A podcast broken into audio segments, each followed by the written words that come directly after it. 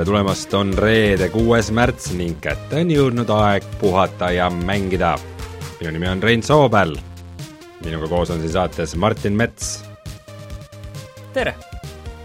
ja kes on puudu, on äh, Rainer Peterson. Äh, kui siin äh, Rainer on viimastes saadetes siunanud meid, kes me oleme kordamööda puudunud erinevatel põhjustel. headel põhjustel. me pole päris ammu kohtunud, kui ma ei, mõtlen. ma vaatasin ka alguses, alguses ma nägin siin enne stuudio ukse taga, et kes see, kes see mees siin on, ma ei saanud arugi. Pole üle kuue näinud äh,.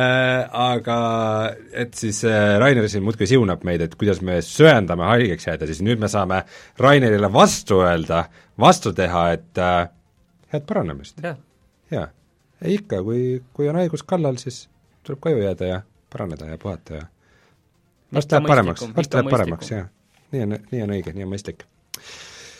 nii ähm,, räägime siis algusesse kõik ka selle alguse jutu ära, et meid saab leida igasugustest kohtadest, nagu näiteks Youtube'ist ja Instagramist ja Facebookist ja Spotify'st äh,, teeme oma iganädalast saadet ja iganädalast seid videosid, mis te eelmine nädal tegite, Death and Taxis? Death and Taxis tegime. jaa, Eesti mäng, oled sa mänginud seda vahepeal veel? no natuke olen küll, jah. täna veel sellest? jaa, see Eesti mäng. me ütlesime seda? jaa, see, ei, tegelikult see on huvitav mäng. ma ei ütle, et see on nagu parim asi, mis on kunagi tehtud, see on äh, üks veider asi ja see ei ole Papers, Please, mis tunne võib jääda, aga ta on selline huvitav äh, selline jauramismäng, täpselt nagu see video tuligi, me tegelikult jaurasime seal enamikku ajast ja ma tahtsin kõike teha vastupidiselt sellele, mida Rainer soovitas, aga noh, vahepeal ma olin temaga ikkagi nõus, et mõned inimesed võivad siis kelada ka. okei okay,. kas sa teed seal valikuid ainult, kas keegi peab elama, keegi peab surema ja ja kui nüüd kõik hästi läheb, siis äh, ka see nädal tuleb meil video ühest huvitavast mängust, nimelt äh, demonstreerisin Martinile Outer Wildsi, mitte siis sega ajada äh, segamini ajada Obsidiani ära, ära hakka rääkima, kui, kui sa hakkad rääkima Worlds. teistest nimedest, siis juba läheb segamini, ütle lihtsalt Outer Wilds. aga Outer Wilds on siis äh, mäng, kus sa oled väike kosmoseuurija, kes äh, nelja silmaga. nelja silmaga, niisugune konnapoiss, sõidad ringi oma mingitest laudadest kokku klopsitad äh, väikse kosmoselaevaga ja avastad planeete ja proovid päästa päiksesüsteemi. ja saad palju surma. jaa, seda võib juhtuda ma saan aru, et see sulle pakkus huvi? jaa, jaa, et selles mõttes, et me käisime avastamas ka päikest, et soovitan seda ka teistel vaadata ja teha. sai lõppenud hästi eh,. Tahaksime tänada siis ka meie toetajaid Patreonis, Taavit, Jürit, Feilisit, jutustaja X-i ja Margust eh,, ja siis eh, kõik, kes meid toetavad Patreonis, saavad ligi ka meie Discordile, kus me omavahel jutustame ja vahetame linke ja arutame ja vaidleme Äh, ja kui need, pat-pat-pat, Patreon, ka keegi peab ütlema seda. ja kui me oleme need kõik kohustuslikud asjad ära maininud, siis äh, Martin, äkki sa kergitad loori sellelt, et äh, millest me täna üldse räägime? me räägime täna sellest, et äh, me tegelikult ei räägi üldse nendest äh,, pigem ütlen seda, millest me ei räägi. no me, me, me ei ei räägi räägi kõigist nendest äh, PlayStation viie ja Xbox One Series X-i äh, leketest, vihjetest, kõlakatest ja kõigest sellest, me lihtsalt ei räägi, me räägime sellest siis, kui on midagi, mida saab nagu, mis on nagu päriselt kindel, sest me võimegi muidu sellest kõigest rääkima jääda, küll me räägime sellest, et PlayStation kaks sai kahekümneaastaseks ja nüüd on lõpuks teada, millal tuleb välja PlayStation nelja ilmselt üks kõige viimasemaid suuri eksklusiivmänge, Ghost of Tsushima, Tsushima. ja sa tahad midagi väga palju rääkida Baldur äh, kolmest ja Baldur Gate, Baldur's Gate kolmest. Ning siis äh, EA-lt lekkis üks veider Star Warsi mäng okay. ja veel paljudest muudest asjadest, eelkõige CS GHOST ning äh, mina mängisin natukene Final Fantasy seitsme remake'i demo ja sina oled mänginud, no ütle ausalt. midagi kauboidega seotud Desperados või oleks see vaid nii, ei äh,. Gun, tead küll see vana ahah, Gun, jah. Call of Juarez Call of Juarez, mis, mis see metsiku lääne mängi me veel teame äh,. Ja täna me räägime ka mõnest Half-Life'iga seotud asjast äh,, sest et äh, nüüd täna, kui me seda saadet salvestame, viiendal märtsil, tuleb välja üks Half-Life'i mäng ja üks tuleb märtsis veel, nii et vabandust, mul läks oluline asi meelest sa arvad, et Half-Life'i mäng, mida on oodatud mingi üle kümne aasta, ei ole oluline või? ei, ma ütlesin, et vabandust, mul läks see meelest. siiralt. mulle tundub, et äh, me täna ei hakka vist läbi saama hästi või? mul ei olnud plaani algusest peale. aga tuleme kohe tagasi ja räägime nendest uudistest.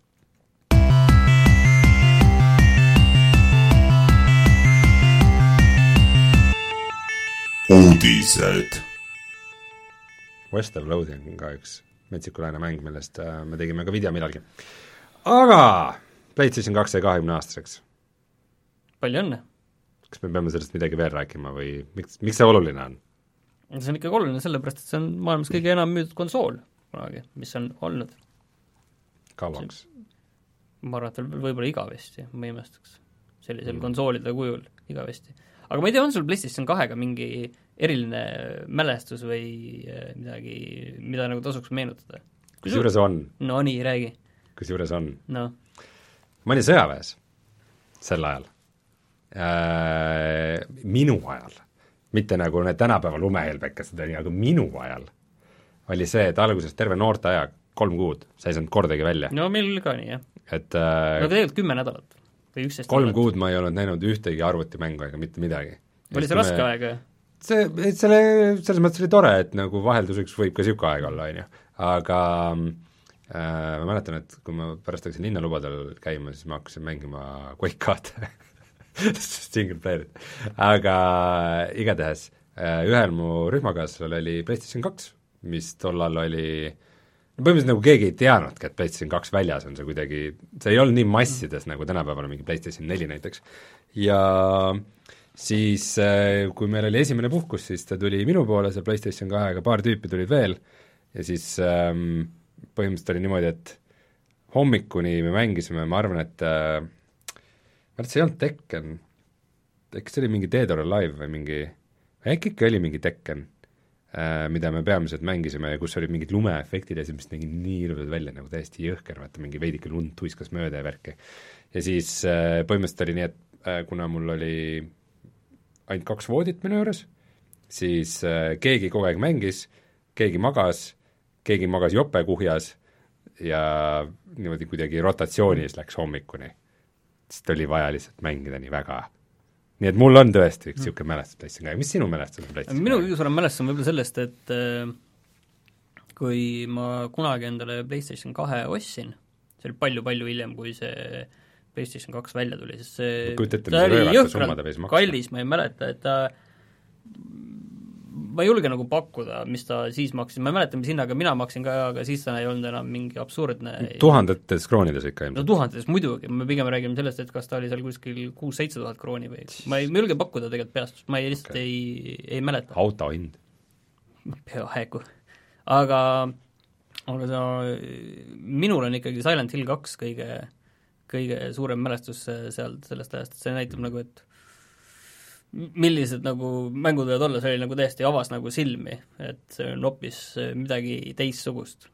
et see on üks kindlasti nagu selles mõttes üks, üks PlayStation kahe selliseid äh, kaubamärke ja, ja selles mõttes ongi äge, et kõik need teised Silent Hilli versioonid, mis tehti hiljem, tegelikult olid isegi tehniliselt äh, kehvemad kui see PlayStation kahe oma, isegi arvuti oma oli tegelikult kehvem efektide poole pealt ja, ja mis seal olid tegelikult sellele atmosfäärile väga olulised mm. ja siis siiani ongi nagu Udu. jah, siiani ongi see, et mis asja võiks, remake'i võiks välja anda, oleks ikkagi selline korralik PlayStation kahe põhjalt tehtud remake äh, Silent Hill kahest, sest noh, PlayStation kolme peale see tehti, aga see oli, seal oli mingi ilgelt palju probleeme, nii et ma ei tahtnud seda isegi mitte puutuda, ma mäletan mm..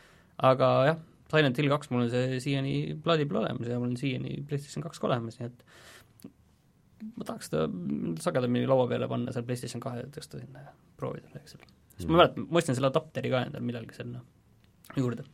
Äh, Rainer pakub, see võis olla Tekken Tag, mis, mis ma mängisin, aga ma hakkan nüüd mõtlema, et see oli ikka Dead or Alive ähm,, mingi Dead or Alive kaks võis olla või, ma ei tea, sest seal olid ju need fantastilised dialoogid tegelastel enne, enne võitlema hakkamist stiilis, et You, you killed my mother. Wait, aren't you my brother? olid mulle ajad, meeldib, kui lugudel on ikka lugu. aga Ghost of Tsushima, mis sa siis sellest äh, arvad praegu, et nüüd me teame selle väljatuleku kuupäeva? Jaa, kakskümmend kuus juuni kõlab nagu keset suve. üldse mitte ideaalne aeg, aga noh, ma saan aru, mille pärast nad siis toovad, sellepärast et nad ei saa seda tuua varem. isegi kui see mäng valmis oleks varem, sellepärast et maikuus tuleb Last of Us part kaks ja ja maikuus oli neid suuri mänge ju veel, üht-teist oli mm, -hmm. kohe ei tule meelde, aga aga see ilmselt minu meelest mul ei tule kus see CyberPunk on praegu, sügisesse september. et äh, PlayStation nelja peale nüüd minu meelest see ongi viimane suur eksklusiiv, ülejäänud kõik oleks, on nagu vaikselt nagu välja tulnud ja ega siin rohkem ei ole, siin olidki need Death Stranding ja äh, Spider-man ja siis äh, olidki Last of Us ja Ghost of Tsushima ja siis peakski nagu sellele siis ongi kriips peal selle generatsiooni. jah, Nioh kaks tuleb veel nüüd veel ja, ja kindlasti midagi nagu siin veel nipet-näpet, mis tuleb, aga sellise kaliibriga sellist suurt mängu enam ei tule, uus treiler tuli ka, mis oli praktiliselt kõik ainult äh, selline cinemaatiline treiler mm,, et jah, ma kindlasti, mul on nagu suur huvi selle vastu, sellepärast et et sellisel tundub nii äge kõik, mis on selline, see on nagu Sekiroga ilmselt palju lihtsamini ligipääsetav ja mängitavam, on ju kaugele sa siis jäid selle Sekiroga, kui ma see kui jutust oli? suhteliselt täpselt samas kohas seal katuste peal, see nippis, sa ütlesid, et ma ei ole jõudnud seda veel katsetada, need katused. selge, selge pilt noh, siis saad teist Jaapani mängu mängida vähemalt. no vaata, äkki ma saan sealt katustelt alla enne, enne seda juunikuud. et aga tee mulle kui äh, konsoolipõhikule selgeks, et ähm, et äh, kõik need siis viimase aja suured PlayStation nelja eksklusiivid, et neid saab siis PlayStation viie peal ka mängida, jah yeah.? see Või?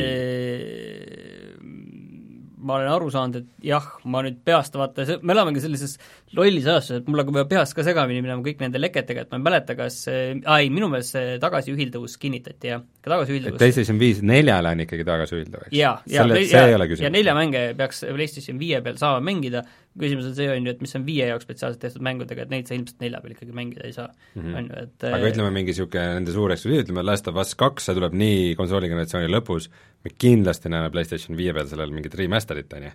No küsimus on see, et vaata, kui sa saad seda, kuidas nad selle digitaalselt lahendavad, on ju, et kui see on tagasiühilduvus, ühilduv, et kas sa saad nagu siis ka tagasiühilduvat mängu seal on ju digitaalselt osta, on ju, et ostad PlayStation nelja mängu digitaalselt, mitte et nad ei anna sulle seda uuesti välja mingi remastered versioonina, mis tegelikult toimus ju lä-, esimese Last of Us'iga, äh, mis ilmus ka PlayStation kolme kuskil lõpus, siis põhimõtteliselt aasta hiljem tehti see remastered versioon äh, PlayStation neljale, on ju, mhm. ja mis noh, müüdi kõik muidugi uuesti, sellepärast et äh, tagasiühilduvust ei olnud ja sa ei saanud seda digitaalset versiooni äh, The Last of Us'ist, on ju, isegi mitte noh, sa noh, sa said seda osta, on ju, aga sa ei saanud seda PlayStation nelja peal osta.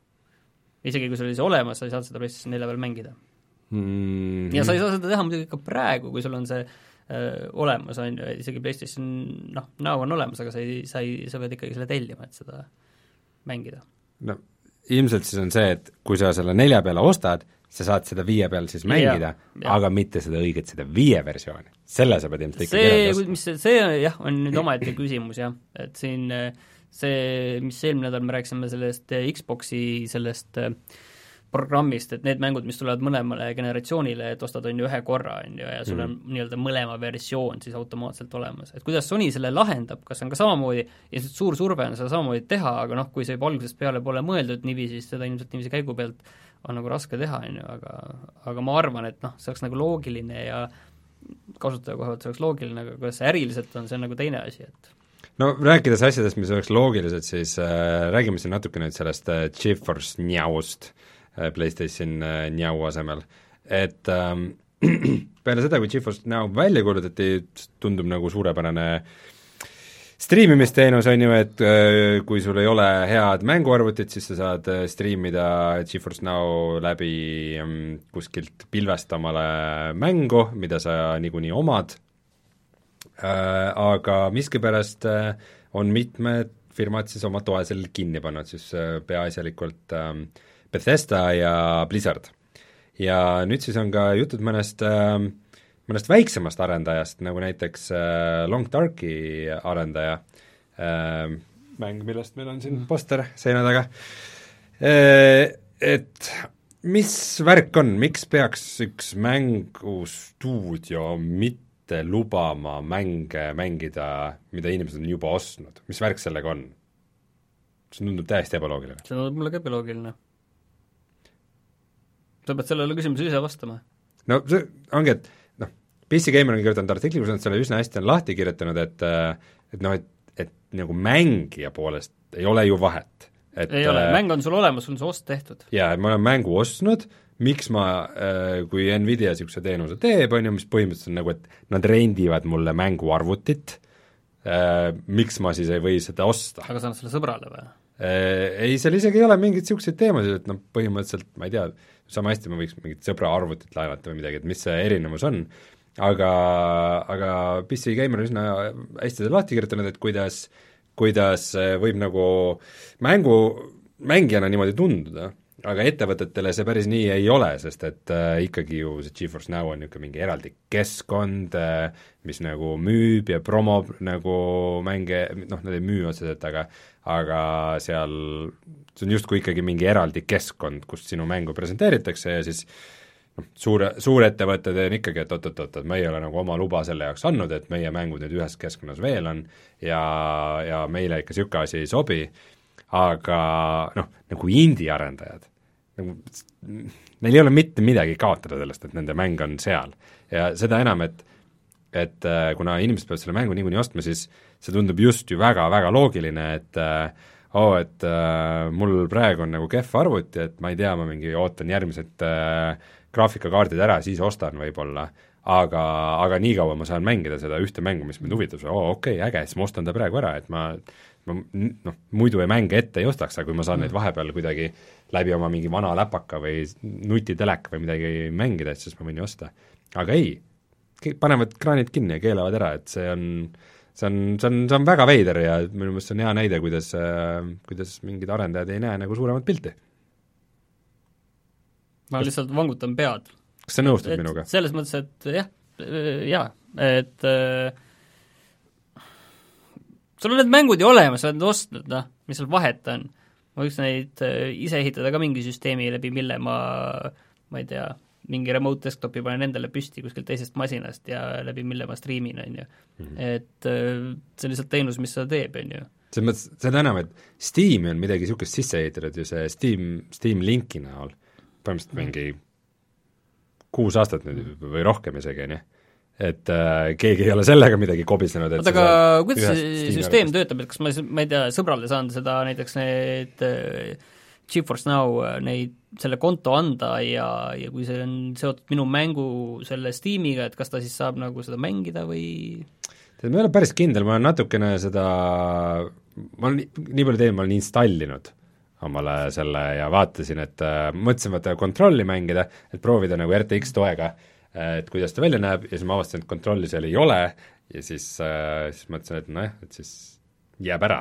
Äh,, aga aga põhimõtteliselt on ikkagi nagu noh, eraldi konto, mis sa teed, sa pead kuidagi selle konto jaoks siis, või see GeForce Now jaoks nagu tõestama ära või linkima ära, et sa oled nagu ostnud need mängud, ja siis, äh, siis sa saad neid mängida. aga noh, ilmselt, ilmselt seda kontot sa teoreetiliselt saaksid jagada küll, jah mingi, võimalik, et mingi veider piraatluse mure seal taga on, aga ma ei tea. ühesõnaga, see on nagu selles mõttes äh, loll asi, mis äh, tundub, et muidu nagu head teenust praegu teeb äh, kehvemaks.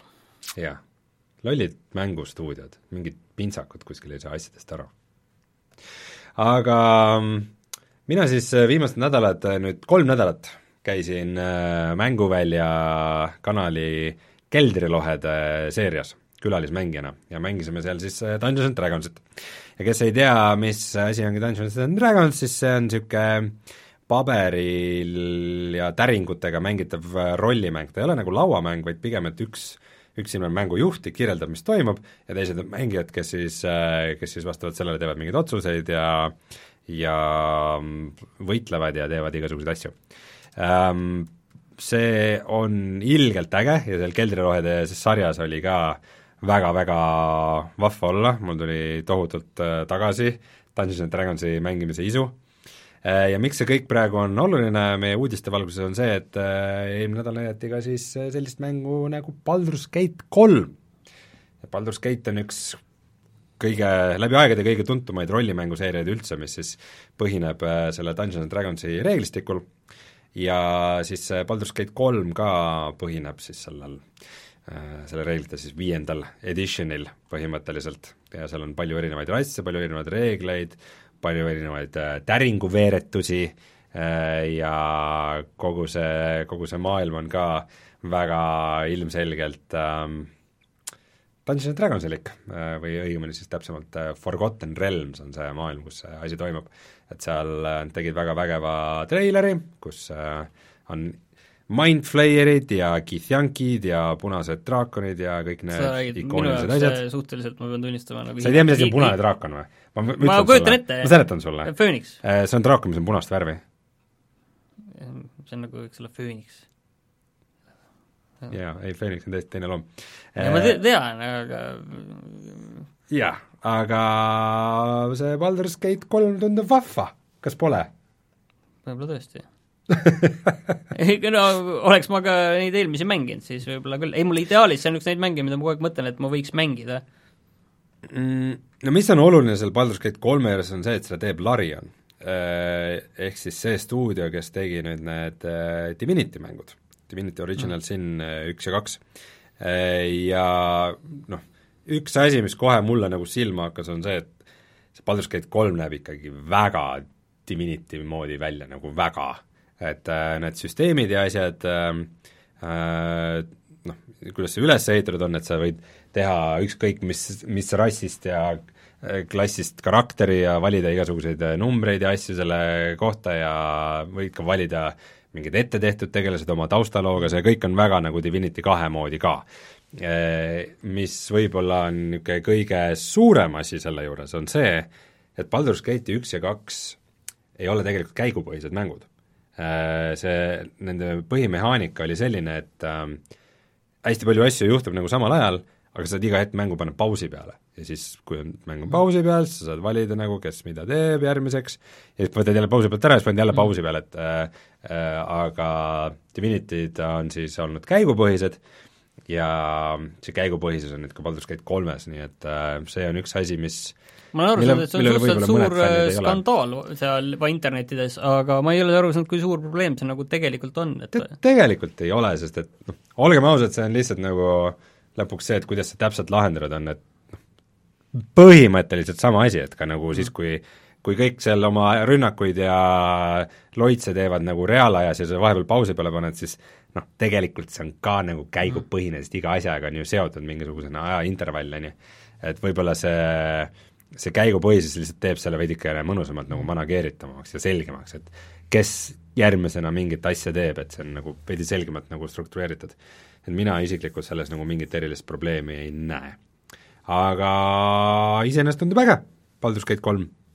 ja ta näeb päris hea välja ju tegelikult. näeb päris hea välja, äh, ilmselgelt on neil märksa suurem eelarve, kui need oli nende Divinity tega, äh, ma vist kõvasti omale rahvast juurde palganud, äh, mingist suhteliselt väiksest stuudiost järsku mingiks mitmesaja inimeseliseks asjaks kasvanud ja mm, see kõik tundub väga vahva ja ma hakkan seda kindlasti mängima. aga millal see välja tuleb? Nad on öelnud, et kaks tuhat kakskümmend aastal tuleb mingi early access versioon oh,. õige, see oli see early access'i, see kõlab nagu Divinity oli vist ka early access'i mäng, selles mõttes on see nagu okei okay. Sest et Divinity'ga oli ka see, et äh, lõpuks tuli sinna ju igasuguseid mingeid split screen'e ja äh, koostöö asju, et nagu sul nagu sinu grupis on nagu mitu mängijat äh,, mitu tegelast ja need, neid võib nagu mängida eri mängijad ja sa saad isegi niimoodi teha, et näiteks äh, meil on kanaliga Divinity kahest on video, siis ma mängisin oma sõbra Oliveriga koos ja meil oli nagu grupis neli, neli tegelast, aga kumbki meist kontrollis ühte ja selle külge oli nii-öelda aheldatud teine, et me nagu kaudselt juhtisime ka neid mm., neid äh, arvutijuhitud tegelasi, et see on jumala hästi üles ehitatud süsteem, hästi läbimõeldud süsteem et ma loodan äh, samasugust äh, dünaamikat näha ka Baldur's Gate kolmes ja väga-väga kihvt, et äh, Baldur's Gate kolm tuleb ja et seda teeb nagu üks pädev stuudio. nii et juba see teeb minu jaoks kaks tuhat kakskümmend aasta palju huvitavamaks. aga vahepeal lekkis mingisugune ka Tähtede sõja uus mäng, projekt Maverick, see on, mis asi see on? see on, selles mõttes see on lekkinud nagu äh, väga veidrast kohast, et see on lekkinud PlayStation BSN-ist. Äh, kui mäng, võiks arvata, et kui mäng on nagu BSN-is ehk Sony PlayStationi äh, poes juba kas või mingi sellise ostulehena olemas, on ju, et siis, siis see peaks ju mingis staadiumis olema, see võiks vähemalt noh, lähiajal välja kuulutada kuidagi. nimi on juba kokku lepitud? jaa, selle nimi on Star Wars Project Maverick ja see on sisuliselt kõik, mida me selle kohta ametlikult teamegi, mis sealt lekkis. et äh, siin on veel tulnud tea-, hiljem on tulnud infot juurde, et seda teeb siis EA äh, Motive, mis on selle äh, selle Jade äh, Raymondi see mängustuudio ja mida see kes on Jade, Jade Raymond? see oli see, kes pidi, pidigi alguses tegema seal neid äh, Star Warsi mänge, mingeid erinevaid, ja siis need äh, pandi minu arust kinni, kõik need Star Warsi mängud. kindel, et see mingi juhuslik jäänuk ei ole, mis kogemata kuskil pinnale jaa, aga kus see jäänuk niiviisi poodi läheb?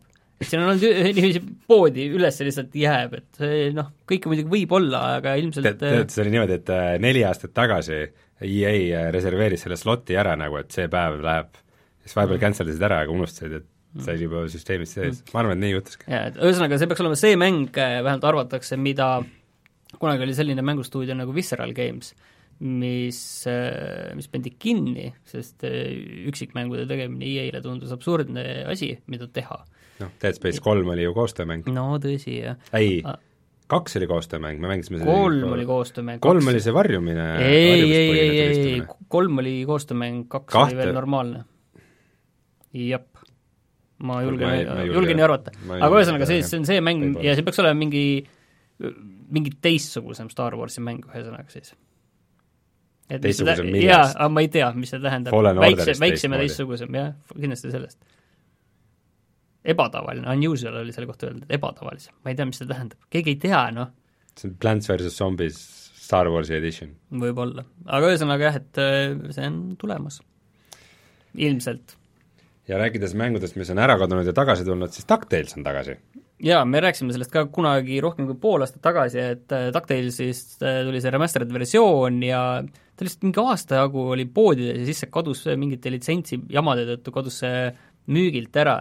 ja see on väga veider, kui see tavaliselt, need probleemid tabavad mänge palju äh, hiljemas eas mm. -hmm. aga kadus ära ja nüüd seitse kuud hiljem on see tagasi Steamis ja Googis ja võib-olla kuskil veel, aga see, selle uudise juures see põhipoint ongi. Äh, kas ta kadus ka konsoolide pealt ära või? sest äh, jaa, see oli konsoolide pealt ka, igalt poolt mm,. sa said seda tõmmata ainult siis, kui sul oli see ostetud, siis sa said seda tõmmata. Switchi peal, jah mm. ta jah, ta enne ärakadumist oli vist mingi aeg isegi tasuta ja, ja ma mõtlesin, et ma võtan ära, aga ikkagi läks meelest või ei viitsinud või mis iganes, hiljem kahetsesin, mõtlesin, et oleks võinud ikka võtta. aga, aga nüüd on ta olemas. hea teada. hea teada. minu meelest see on ikka täielik debiilsus, et mängud võivad lihtsalt ära kaduda, aga nojah, see on keeruline, keeruline maailm, mida peavad mingid pintsakud lahendama jälle. aga see üldse absoluutselt mitte nii keeruline maailm, nagu on see filmitööstus ma lihtsalt panin selle uudise sisse, kuna see kõik on nii absurdne lihtsalt, et see Uncharted'i film sai seitsmenda režissööri. ja Antonio Banderas nüüd on seal ka, aga ta ei ole õnneks Drake. ma arvan, et on seal Antonio mingi Banderas on režissöör või? ei, see on seal äh,, midagi teeb seal. aga lihtsalt, mis selle juures on nagu minu meelest nagu see kõige noh, absurdsem asi, et ma ei tea, see on olnud siin töös juba tead, pool PlayStation kahe elueast või kauemgi veel, on ju, aga see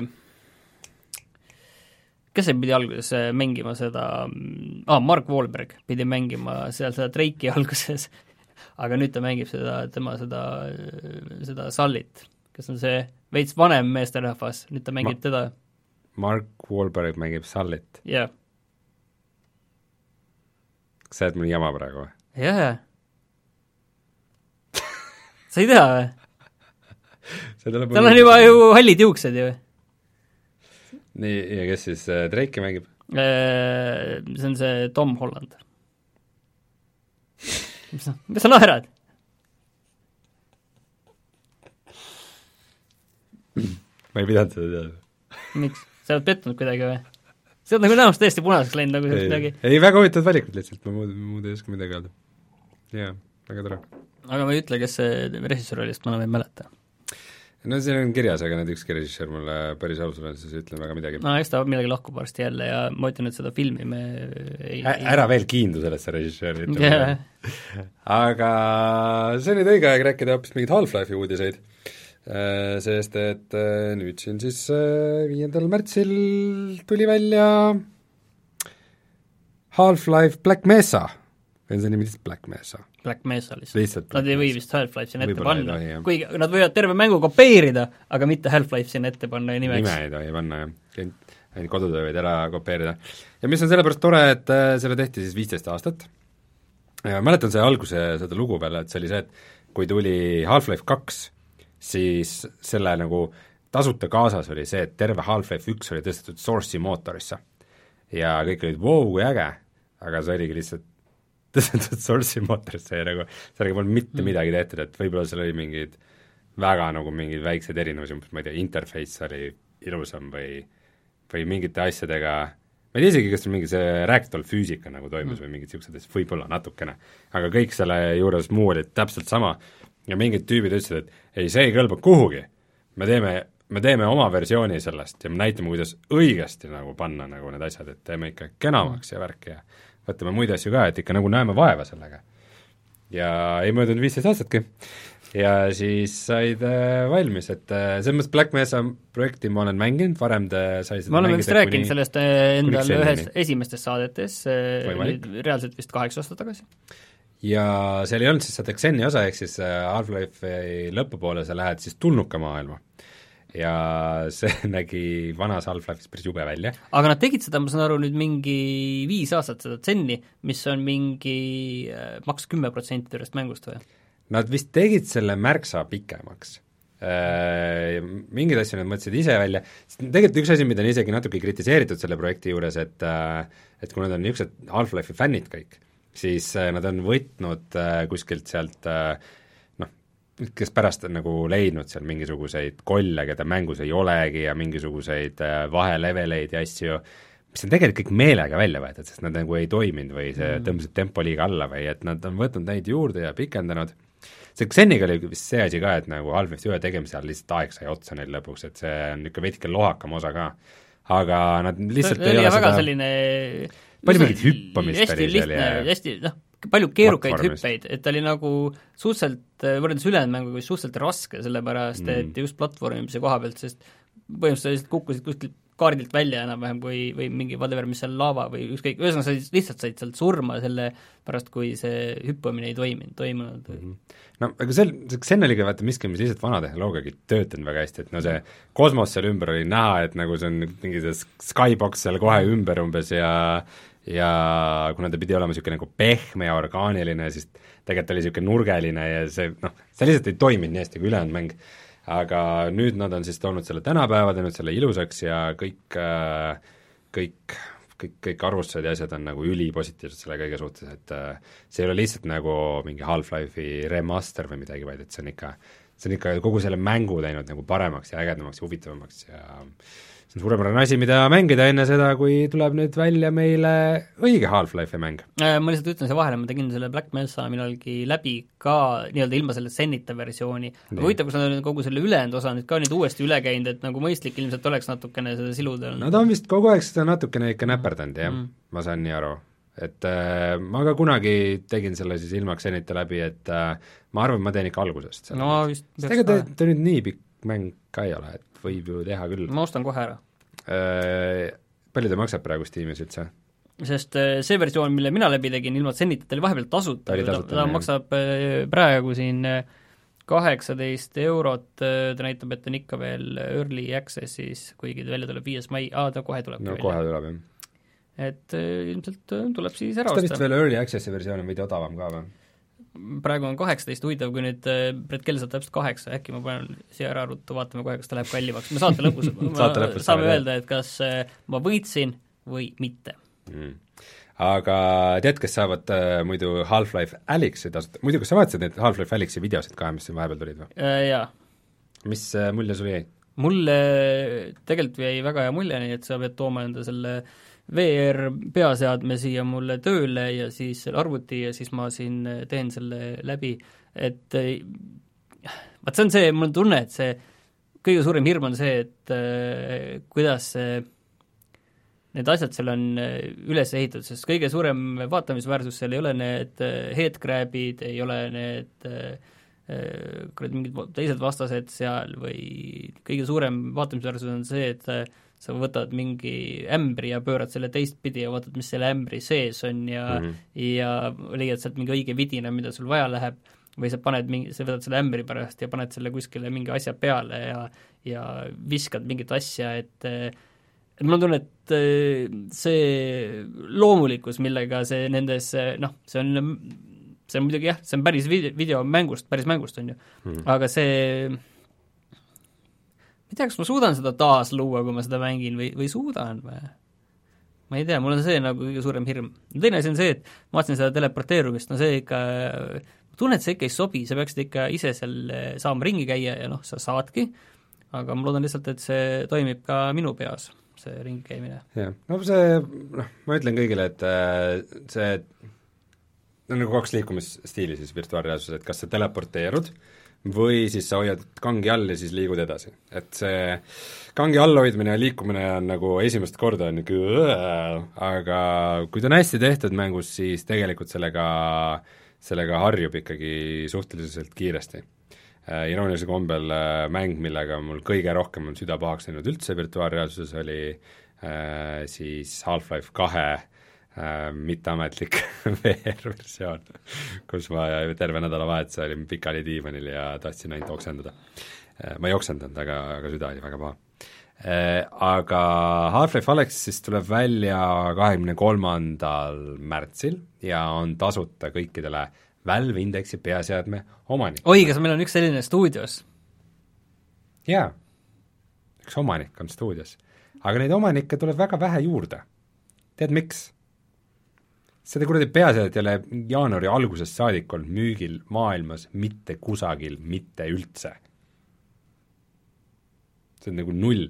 Ja nüüd tuli just tore uudis, nimelt Valve teatas, äh, mulle saeti lausa email, sest ma olen selle ootejärjekorras ka, äh, et äh, head sõbrad, esmaspäeval tuleb Valve Index jälle müügile, üheksandal märtsil, algusega kell kümme, mis iganes aja mööndi järgi, aga me eeldame, et esmaspäeval saavad need ka otsa. Sest et äh, huvi on suurem, kui me, kui on praegu pakkuda. Ja peale seda siis äh, selles järjekorras nagu tellimused sisse tulevad, neid siis järjest hakatakse täitma. Lähikuudel. Mm,. See on põhimõtteliselt umbes nagu see Samsungi volditav telefon samasugune jama. kas sellega on ka suur nõudlus? ma ma ei tea, kui nõudl-, kui suur see nõudlus on, aga see äh, kogused on väiksed. jah yeah. yeah.? no eks mõlemal on ilmselt samad probleemid, et mingit äh,, mingisugused komponente on vähe ja see kogu koroonaviiruse jama kindlasti sellele kaasa ei aita, aga tundub ka, et äh, Valve ei olnud võib-olla päris valmis selliseks äh, masstootmiseks, et ähm, et Valve Index tegelikult ju tuli välja juba eelmisel suvel et äh, neil peaks olema juba aega olnud küll neil oma tootmist seal parandada, aga no Valve on ju siin selle kõik ümber ja Steam Linki ja selle puldiga nad on näidanud, et nad suudavad küll ju asju toota, nii et nad jah. pärast veel siin äh, ladu saavad siin veel miinus üheksakümmend protsendiga tühjaks müüa. jah, aga no seal on muidugi palju elemente, on ka see, et äh, me ei räägi siin ainult peaseadmeste endast, vaid siis ka nende baasjaamadest ja ja pultidest, need knucklesid puldid et äh, tegelikult need Knuckles'i puldid on nagu ilmselt põhi, põhjus, miks mina tahaks just Valve Indexiga mängida seda mängu, kui ta välja tuleb äh,. mul muidu lihtsalt tööalaselt on vaja ka neid Valve Indexit praegu mm. umbes kaheksat või midagi niisugust, et äh, ma ei tea, mis ma esmaspäeval tegema hakkan, mingeid varikontosid võib-olla või mida iganes, aga jah, kurb, et see nii on, sest et äh, Half-Life on täpselt niisugune mäng, mida VR vajab et minna populaarseks ja inimesed, kes on vahepeal mõelnud, et oo, et äkki ikka võiks nüüd osta selle peaseadme, nad lihtsalt ei ole saanud seda teha. ja see on äärmiselt nukker olukord. Eh, loodetavasti läheb paremaks. aga noh, ma ei tea, ega kui see mäng välja tuleb, siis ega ta kuhugi ära ei kao ju vist, ei. ma loodan. ta ei ole ju mingisugune DuckTales. Ja kuni minu VR-nurk on sellega seoses läbi, siis äh, kas sa tahad oma CS GO nurgakese panna püsti ka siia või? ei, ma just tahtsin seda öelda, et CSGO äh, lööb see on see vanav mäng, mida enam keegi ei mängi või? jaa, täpselt, see on ka vist äh, kaheksa midagi aastat vana mäng, aga nüüd on jah, Steamis äh, kõige rohkem korraga mängivate inimeste rekordil löödi kuskil üle üheksasaja tuhande ja see on ka naljakas põhjus, pakutakse, et koroonaviirus on selles süüdi, et hiinlased on rohkem tubased ja otsivad tubaseid tegevusi, et ennast välja elada. Aga selles mõttes, et mulle nagu tundub ka muidu, et selles mõttes, et see CS-GO on nagu nii küpseks saanud praegu, et äh, kui vaadata seda, kui suur on inimeste huvi selle vastu, muidu need noh, need turniirid, seesama, mis see IM Kotovitš on ju oli, et äh, mm. seal löödi ka mingeid vaatajarekordeid äh,, mis oli küll jah, mitte kõigi aegade, aga sellise kaliibriga ürituse kohta mm., mis ei ole major selle kohta. finaalis seal väga, igav finaal oli väga ühepoolne, et äh, Navi võitis G2 väga kindlalt Äh, viisis, äh, viisis ka mind kui põhikut kurssi, et kuidas siis meie poisil Ropsil läheb? Äh, noh, nagu seal nad pärast ise, ise va seal Instagramis kirjutasid, et muidu on see Intel Extreme Masters, siis nad kirjutasid, et Intel Extreme Disaster, et et seitsmenda-kaheksandat kohta jäid, aga veerandfinaalis kaotasid austraallastele suht lollilt, nii lollilt, mina küll ei kaotaks nii lollilt. sina muidugi ei, ei kaotaks, tugitooli sportlane. ei, ikka, ikka korralikult laua taga CS-GO-d mängin. Keegi mingit tugitoolist CS-GO-d, mis asja see on? kui sa vaatad kedagi teist mängimas, siis ka istud korralikult laua taga sirge seljaga või? muidugi, ma elan kaasa, nii nagu sportlasedki seal on täpselt samamoodi. siis tahan ikka samastuda aga tuleme nüüd kohe tagasi ja vaatame, mis mänge siis Martin ise on mänginud.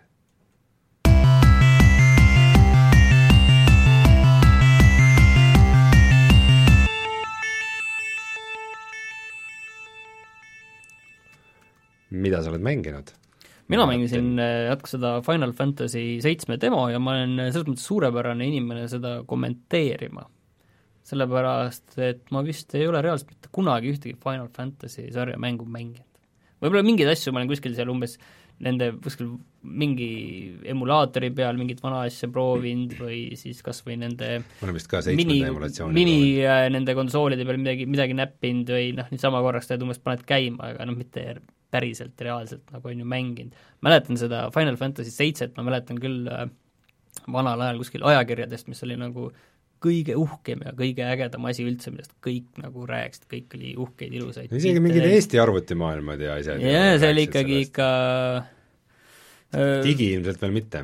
Äh, digi ei olnud siis ammu veel olemas, kui see välja tuli, see vist tuli välja, ma ei mäleta, kas see oli üheksakümmend seitse või? kuskil sellist, üheksakümnendate lõpus mm. -hmm aga, aga ühesõnaga, ma mängisin seda seitsme demo ja ma saan aru, et see on nagu täiesti teistsugune ja ka mingis mõttes see tundus nagu, ma, mul on nagu plaan seda hakata mängima, on ju, see mm -hmm. ilmub äh, aprilli alguses äh, ja mul on kindel plaan hakata seda mängima ja selles mõttes äh, võib-olla ma natukene nagu pettusin, see, ma nagu ootasin midagi enamat kui, kui mängu, aga see oli ikkagi, ikkagi selline suhteliselt tavaline võitlusmäng äh, rollikas, äh, rollikalik ja, ja sellist nagu need kõik? jah, ta oli natuke nagu, täpselt samamoodi nagu need kõik ja mul natuke oli nagu pettust, aga seal alguses on nagu hästi palju seda vaheklippe ja video ja kõike seda, on ju. et sa saad muidugi nagu seda võitlust igal hetkel äh, pausida, teha valikuid, valida enda neid äh, ability eid ja see on käigupõhine ju, või? sa saad seda mängida reaalajas, võitlust reaalajas, taod äh,,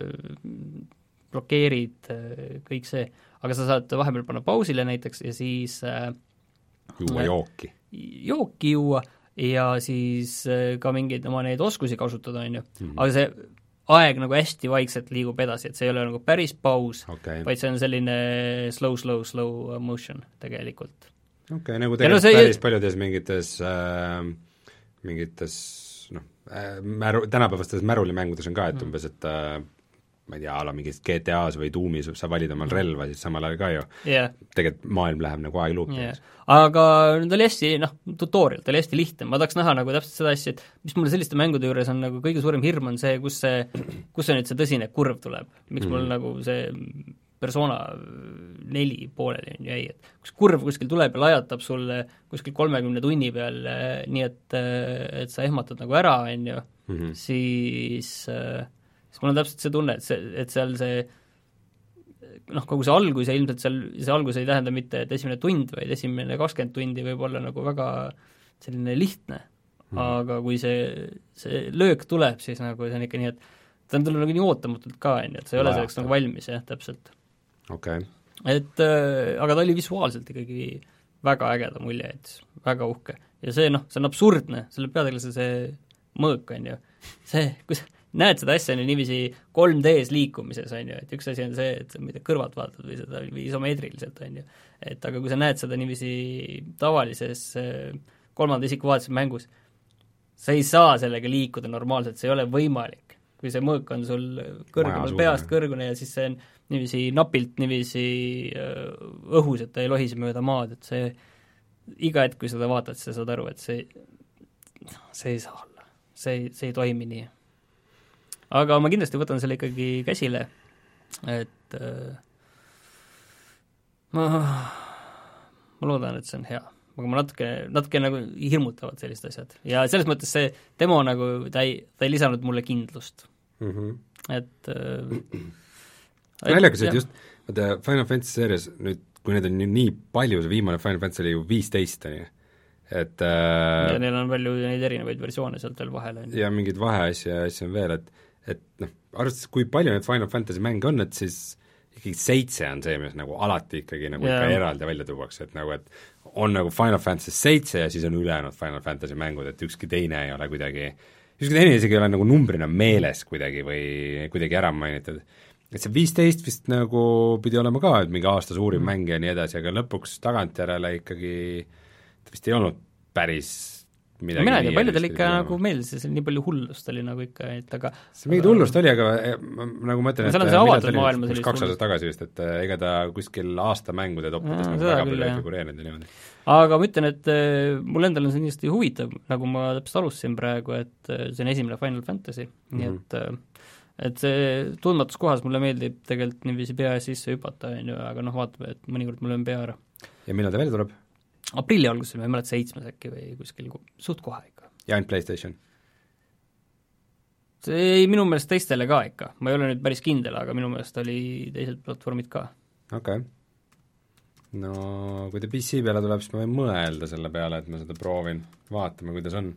mulle tegelikult väga meeldib, et meil on praegu Äh, PlayStation ikka ainult, jah. et meil on praegu niisugune väike mõõnaperiood äh, uute mängude osas, et äh, see ongi väga halb, ta tuleb kümnes aprill, see suht samas augus selle Resident Evil äh, kolme rem-, remake'iga, et kaks äh, sellist äh, klassikalist remake'i järjest ühes augus. okei okay., kuidas, kuidas see kolm juba saab välja tulla, nagu al-, al-, alles oli ta ainult kuulujutt ja lekked ja nüüd on järsku mingi, kohe on väljas juba mm. -hmm. kaks tuli ju reaalselt aasta tagasi ainult. jah, jah, eelmise aasta jaanuaris. jah, et nagu ma ei, ma küll ei oodanud, et see nagu nii kersti tuleb, ma arvasin, et ta tuleb nagu ikka mingi kaheaastase, kaheaastase vahega või midagi. Mm,, väga väga, väga huvitav. Äh,, aga korra vaatan meie selle aasta, oi, vale aasta, praegu on kaks tuhat kakskümmend, et seda väljatuleku kalendrit. et mulle see aasta alguse rahulikkus väga istub, ma saan teha siin asju, mida ma olen siin tahtnud äh,, tahtnud mängida, vaatame, meil on siin praegu märtsi algus, mis siin on, Black Mesa, Iibi ja Hoob, Battlelogic kaks, vot.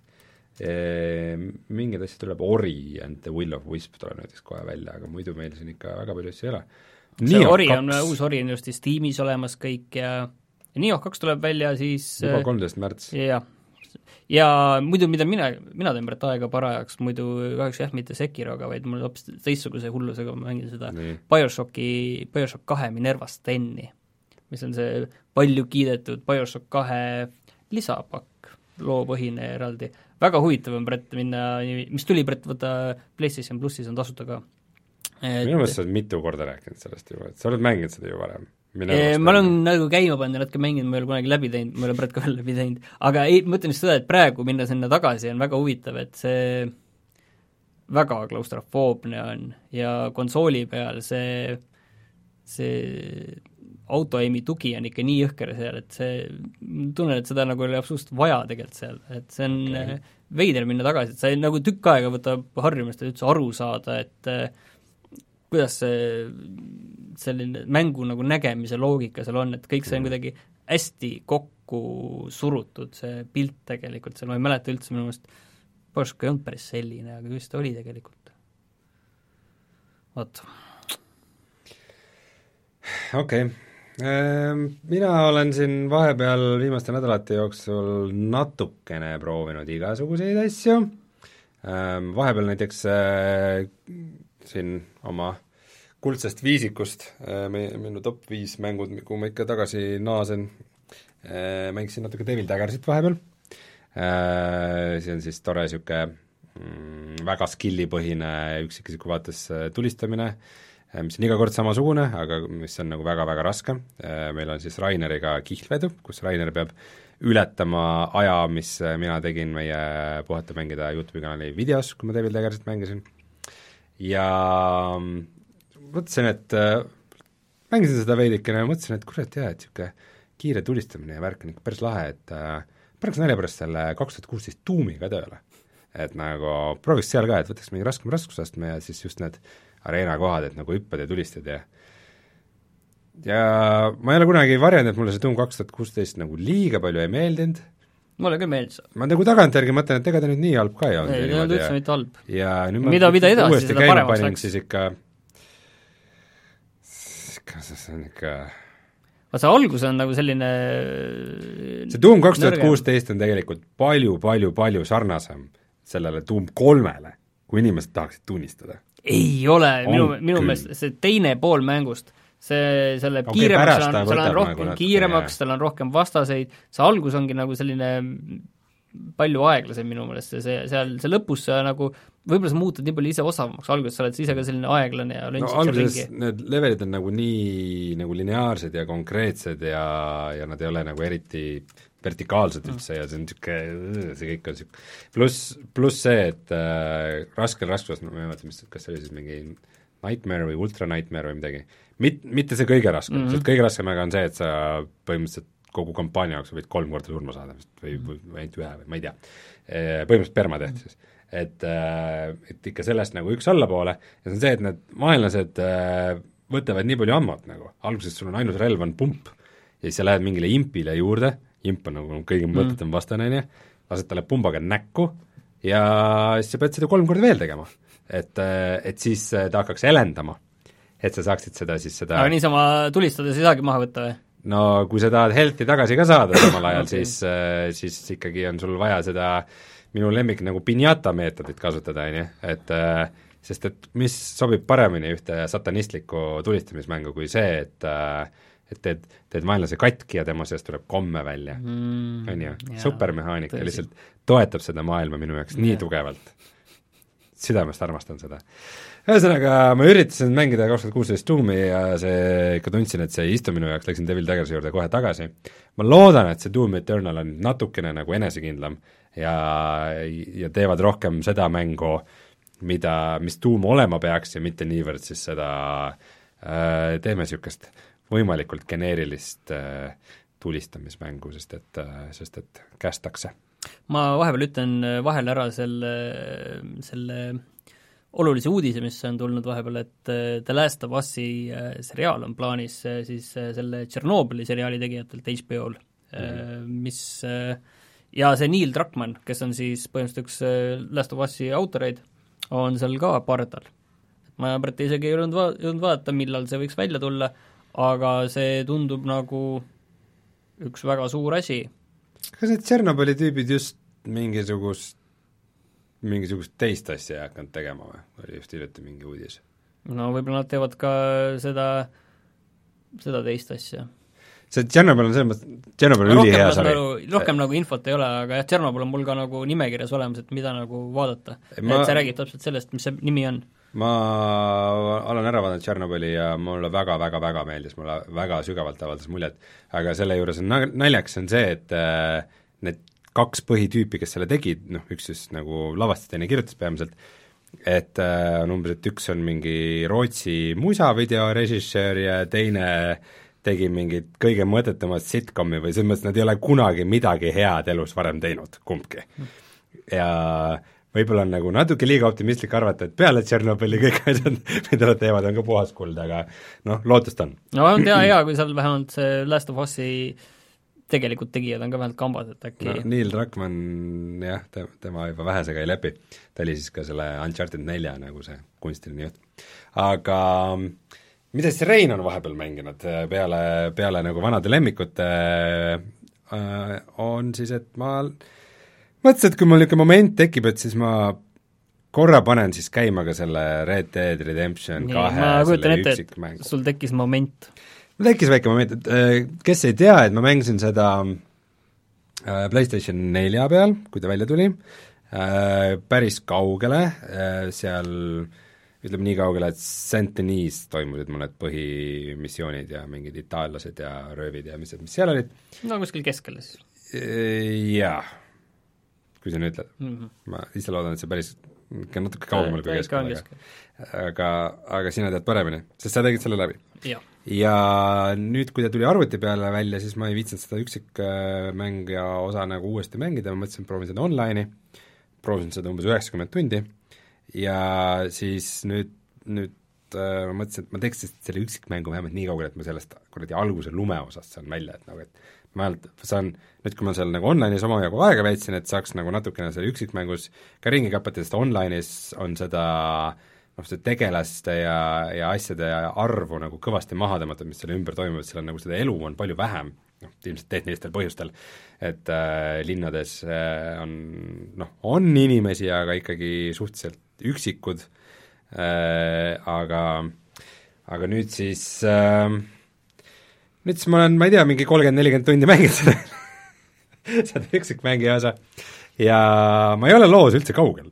sa ei ole sinna Saint-Denis'isse siis ei ole jõudnud? ma ei ole veel sinnani jõudnud, ma, ma olen seal praeguse Rhodesi juures, et mul oli see mm. teine, see kämpi kolimine oli just, et kus nad seal selle paadiga koha leidsid ja ja nüüd hakkab see, minu meelest päris nõrk osa mängust, vaata, on see seal Rhodesi juures on kaks perekonda, ühed on mingid Braithwaterid ja mis need teised olid? ei tea, mulle veits nagu meeldis, seal oli selline Ro-, Romeo ja Julia teemad seal oli vist ja see minu jaoks see värk seal kuidagi venis jubedasti. ta, ta, ta võis nagu venida, aga mulle nagu idees see nagu tundus nagu äge, need kaks mingit sellist rivaalitsevat äh, perekonda, ühel on häärber ühes nurgas, teisel on häärber teises nurgas, et see idee oli äge ja seal oli minu arust päris mitu nagu väga head nagu looliini, eh, aga noh, ta võib-olla jah, nagu ideaalselt nagu ei mänginud välja mõnes kohas mm.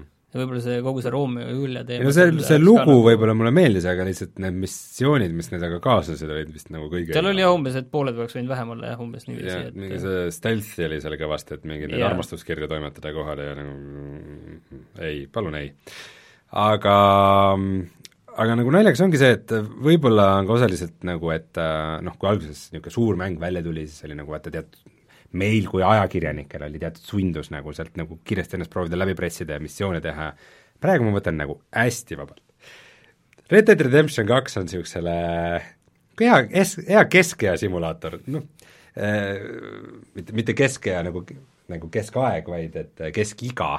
et äh, mina, kes ma nüüd just sain kolmkümmend kuus aastat vanaks, et see on niisugune just niisugune mäng, et kus ma seal ratsutan ringi ja püüan kala ja jahin loomi ja ma teen nagu üsna palju niisuguseid asju, mis ma oma esimese playthrough ajal ei teinud. mul ei ole kindlasti mingit eesmärki nagu mingit sada protsenti sa räägid nagu kuidagi nagu enda võrdlust nagu kahekümnendatest, milline sa olid või kas see on ei no ongi see, et et tavaliselt mängus on ikka see, et mis ma siin tegema pean, mis ma, mis ma pean järgmiseks tegema selleks, et et siin kulgeda edasi, aga tänu sellele, et ma vahepeal päris palju Red Dead Online'i mängisin, see maailm on minu jaoks nagu palju selgem ja et ma enam-vähem nagu kord-, suudan koordineerida, et kus miski on, kuidas kuhugi saab, mis loomad ja kalad on siin, mis loomad on seal ähm,, tegelikult see story's ka need tegelased, vaata neid on nii palju, see, see Campiga, see on, ma ei tea, mingi mitukümmend tegelast iga no nii palju päris ei ole, tegelikult see on ikka no ikka on. kümme pluss mingi väike mingi lisa lisanäod, kes seal hõljuvad taustal. ei no ikka on, vaata mingid need äh, reverend ja no okei okay,, seal mingi tule, mingi, mingi ei, ikka üle kahekümne. mingi hulk on veel see, kes jah, tulevad ja lähevad seal vahepeal ja no okei okay. et, äh, et, et alguses oligi see, et äh, võib-olla see Red Dead Redemption kahe lugu nagu isegi ei tutvusta neid kõiki nagu väga hästi, et iga järgmine missioon on, aa, see on see tüüp, et äh, isegi kui ma nagu niimoodi stsenaristina oleks kriitiline, siis võib-olla mõned tegelased oleks võinud nagu üheks kokku lükata, et neid on neil natukene liiga palju äh,. Ja ka noh, nüüd nagu teist korda mängides ma nagu veidike koordineerun paremini või orienteerun paremini, et äh, kes, kes on kes ja, ja miks nad on olulised ja mul, kes, mis tegelased mulle endale rohkem meeldivad Äh, aga jah, et ma teen neid tegevusi, mis ma muidu väga ei teinud, näiteks need mingid kantslingerid on, keda nagu üles otsida ja mingisugused otsin mingeid aardeid näiteks, kui kuskilt aarete kaardi saad, siis tavaliselt sa saad mingisuguse pildi ja siis sa ei tea, kus on, aga kuna nüüd ma enam-vähem mingeid kohti tean, siis ma nagu aiman, kuhu ma minema ma mingit aaret otsisin, otsisin, ma leidsin selle õige koha üles, ma ei saanud kuidagi seda õiget nurka kätte, ma ei leidnud seda, ma lõpuks lõin käega, et ma ei, ma ei saanud aru, kus kohas see on, noh, ma oleks võinud nagu lihtsalt minna ja netist vaadata, on ju, see oleks lihtsalt üles leidnud, aga ma ei tahtnud seda ka teha ja see jäigi, see oli kuskil jõe kaldal mingi koht, seal oli mingi, mingi puud paar tükki ja see oli nagu suhteliselt nagu äratuntav koht nagu üldiselt, on ju mm, -hmm. aga see kaart oli nagu segane, et eh, kust poolt see nagu neid täpselt on, et mingi jõe kaldad, kaks kallast ja oh, see, see oli ärritav, kui ma tagasi mõtlen. mul on ka üks piinlik ülestunnistus. nii, see on seotud selle mänguga või millegi muuga? sellega seoses, ma nüüd umbes üleeile sain teada, et äh, kui sul on kuskil lõke, siis saad selle juurest quick travel ida või fast travel ida. aa, aga sa saad ainult äh,, sellega oli mingi piirang, selle lõkkega? täitsa, vaata mingi hetk on see, et sa ostad omale camp'i kaardi, on ju, Mhm. et äh, ja siis sa saad erinevate sa kohtade saad- vahel käia. siis sa saad mitte eri kohtade vahel käia, vaid see ongi see, et et siis sa saad camp'ist reisida yeah. mingitesse kohtadesse. aga kas siis sellega koos tuleb see, et sa saad lõkkest ka fast travel ida mingitesse punktidesse? Jaa, ei seda, seda ma jah, mäletan. sest mulle tuli see täieliku üllatusena. aga seal minu, mingi piirang oli, mul ei tule meelde, mis see nagu oli, aga ma aga tõmbasin, mul oli karu, karunahk oli hobuse peal, siis ma tõmbasin hästi suure kala välja, ma ei saanud seda omale hobusele visata, siis mõtlesin, okei okay,, ma siis teen lõkke ja küpsetan selle kala ära ja siis äh, vaatasin, oot-oot-oot-oot-oot, mis valik see on? oota, kui sa tegelikult, ma üritan mõtlema, kas ma mäletan seda või ei mäleta, kas see kõlab midagi äkki sa ka ei teadnud seda? Äkki ma ei teadnud, ma mõtlen see, et ma sõitsin nagu ikka väga palju seal ringi. et äh, äkki see on mingi asi, mis on hiljem lisatud? ma ei ole kindel nagu praegu okay., sest ei, mul on tunne jah, et ma tean, et see, kui see kaart tuli ja ma seda lõket kasutasin ka pidevalt, aga mul praegu ei tule meelde, jah. ma alguses olin, ma alguses olin veendunud, et see oli nii, aga aga Rainer ütleb, et sa saad ainult baasi travel ida vist, Rainer eksib, nagu enamasti, sest et minu meelest, kui ma viimati selle tegin, siis baas oli see ainus koht, kuhu just ei saanud reisida. aga kõikidesse suurematesse linnadesse ja asjadesse sai, sain lõkke äärest reisida. ja see oli mulle väga suur üllatus. see oli minu jaoks täiesti ootamatu, sest sest et igal pool äh, soovitatakse muidu, et äh, võimalikult kiiresti Arturile osta see kaart ära, sest mm. siis sa saad quick travel ida. aga see ongi see, et et sa saad seal ainult quick travel ida baasist mingitesse suurematesse linnadesse mm, -hmm. aga tavaliselt su missioonid algavad ikka baasist ja siis nad algavad sellega, et sa kuhugi reisid ilgelt kaua ja pärast sa pead ilgelt kaua tagasi reisima. sest et sa pead baasi tulema uue missiooni järgi, nii et ähm, igatahes on niimoodi praegu ja seda, ei, mul on tunne, et seda alguses ei olnud, ma ei, näed siis. näed, isegi siin on mingid vanad eh, vikid, et sa ei saa fast travel ida sinna laagrisse. jah, laagrisse ei saagi, aga igale poole mujale aa, saab. okei, igal pool mujal, okei okay..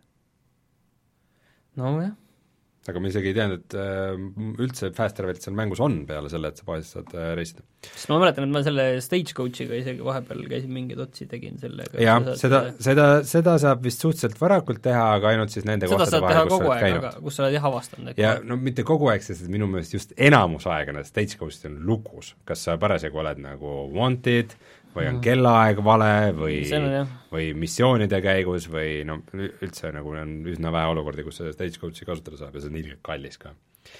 äh, selle mängu raha suhtes, kuigi mul on naljakalt palju raha, see ongi see, et kuna ma nüüd enam-vähem tean, kuidas nagu saada mingeid clean kill'e loomadest kätte ja mingisugused aarded olen ostnud ja otsinud ja siis mul nagu tea, mingi tuhande jagu raha seal mulle kogus, kogunes ka, mäletan palju, isegi minu arust nagu kuskile kulutadagi seda, vahepeal ostsin mingi uue selle püssi, püssi, aga no ma ostan ka mingi uusi püsse ja ostan kõik jupid mm. sinna peale, aga ikkagi, ma ei tea, väga naljakas.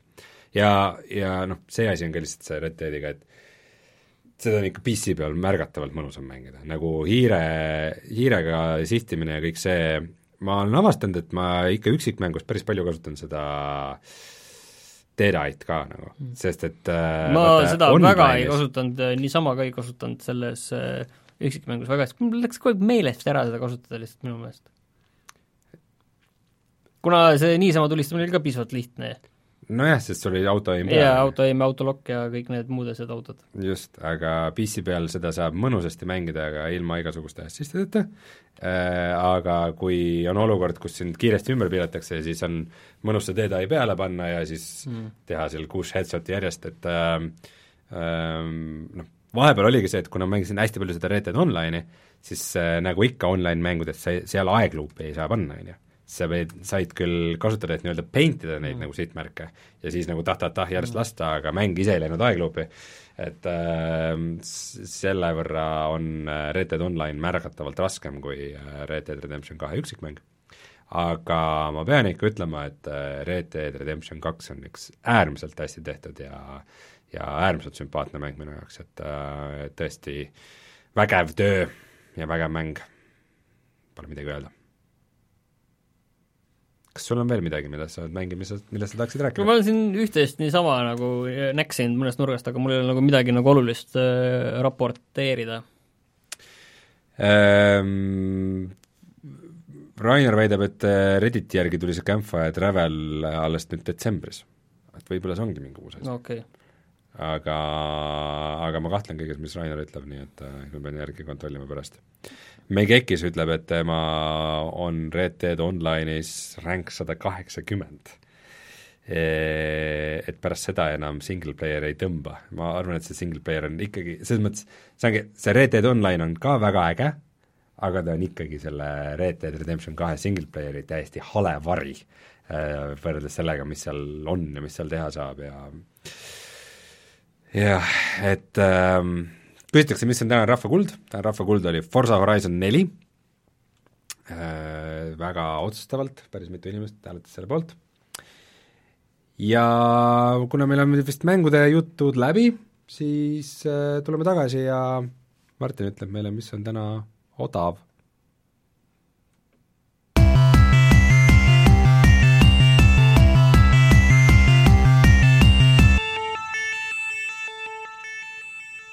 Küll on hea sellist asja minu kaela lükata, aga ma mõtlesin, et ma ütlen siis äh, Yakuusad on praegu odavad Steamis.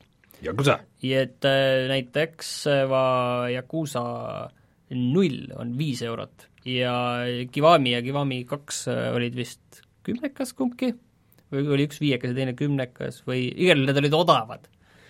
Epiku poes on praegu tasuta Off-World Trading Company.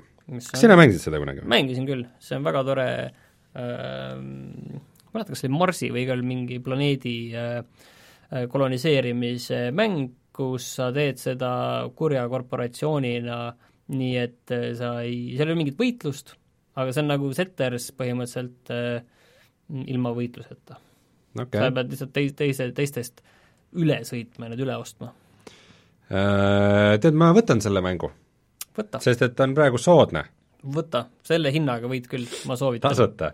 nii et kõik, kellel pakub huvi äh, Off-World Trading Company, saavad nüüd kohe Epiku poodi minna ja selle omale tasuta ligi võtta äh,. Epicus käib ka mm, äh, mingisugune, ma praegu ei saa kohe detaile vaadata, aga mingisugune see Ubisofti sale, kus siis äh, Ubica asju saab äh, päris okei okay hinnaga, mis sa oleksid valmis Ghost Recon Breakpointi eest maksma näiteks? Mm, kas seda Epiku hinda ei küsita või? ei saa Epiku hinnaga? mis Epiku hinnaga no see null. no.? päris sellega ei saa, aga noh, seda ilmselt Ghost Recon Breakpoint on väärt, ta on äh, see, siis Rainbow Six Siege ja Assassin's Creed Odyssey on kõik kuuskümmend protsenti alla hinnatud, et äh, Rainbow Six Siege on kindlasti see, mida, mida võiks nagu proovida ja ma võib-olla tõmban selle, ostan ära ja korra tõmban alla, teen mõned mängud, kuldsed laused ilmselt, aga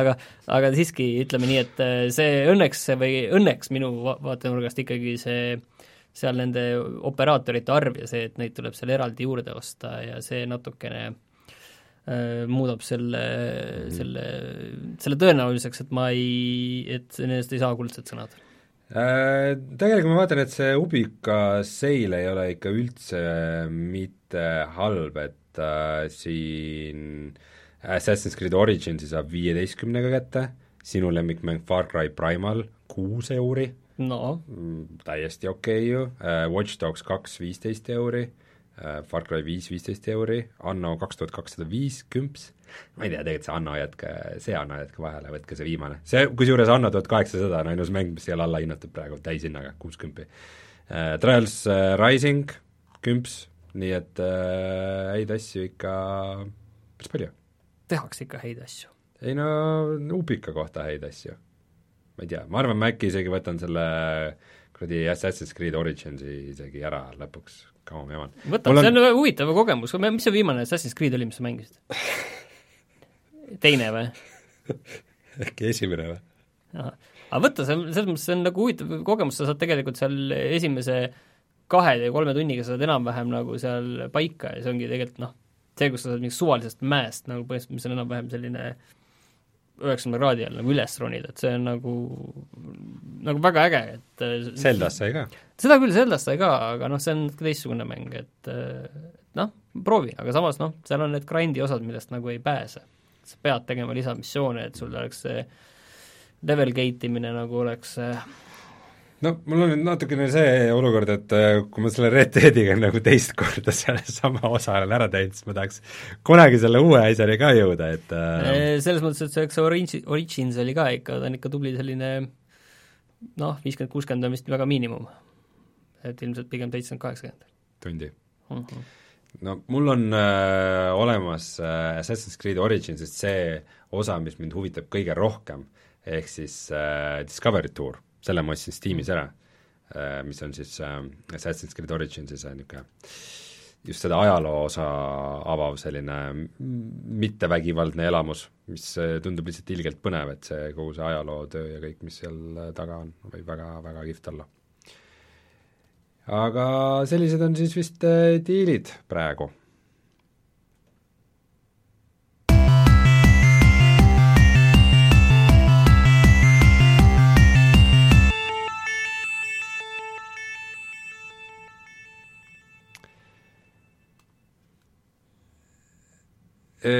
see tundub, et sellega seoses on tänased mängud mängitud. jaa, need on mängitud. ja mm, mis on see lõpetuseks, tahad midagi öelda ka või? Ähm, ma arvan, et äh, puhake ja mängige väga, väga originaalne, aitäh sulle selle eest! palun! aga see oli siis tänane saade äh, numbriga neli null neli errori saade, aga tundub, et meie tehnika on vastu pidanud, ainus asi, mis läks errorisse, oli siis Raineri nina, mis hakkas äh, tatti genereerima äh,, aga mm, järgmine kord siis äh, olge taas meiega äh,, vaadake videosid, mis me paneme üles YouTube'i, nagu näiteks siis Outer Wilds, ja ma ei tea, ärge unustage siis äh, puhata ja mängida. minu poolt tšau! tšau!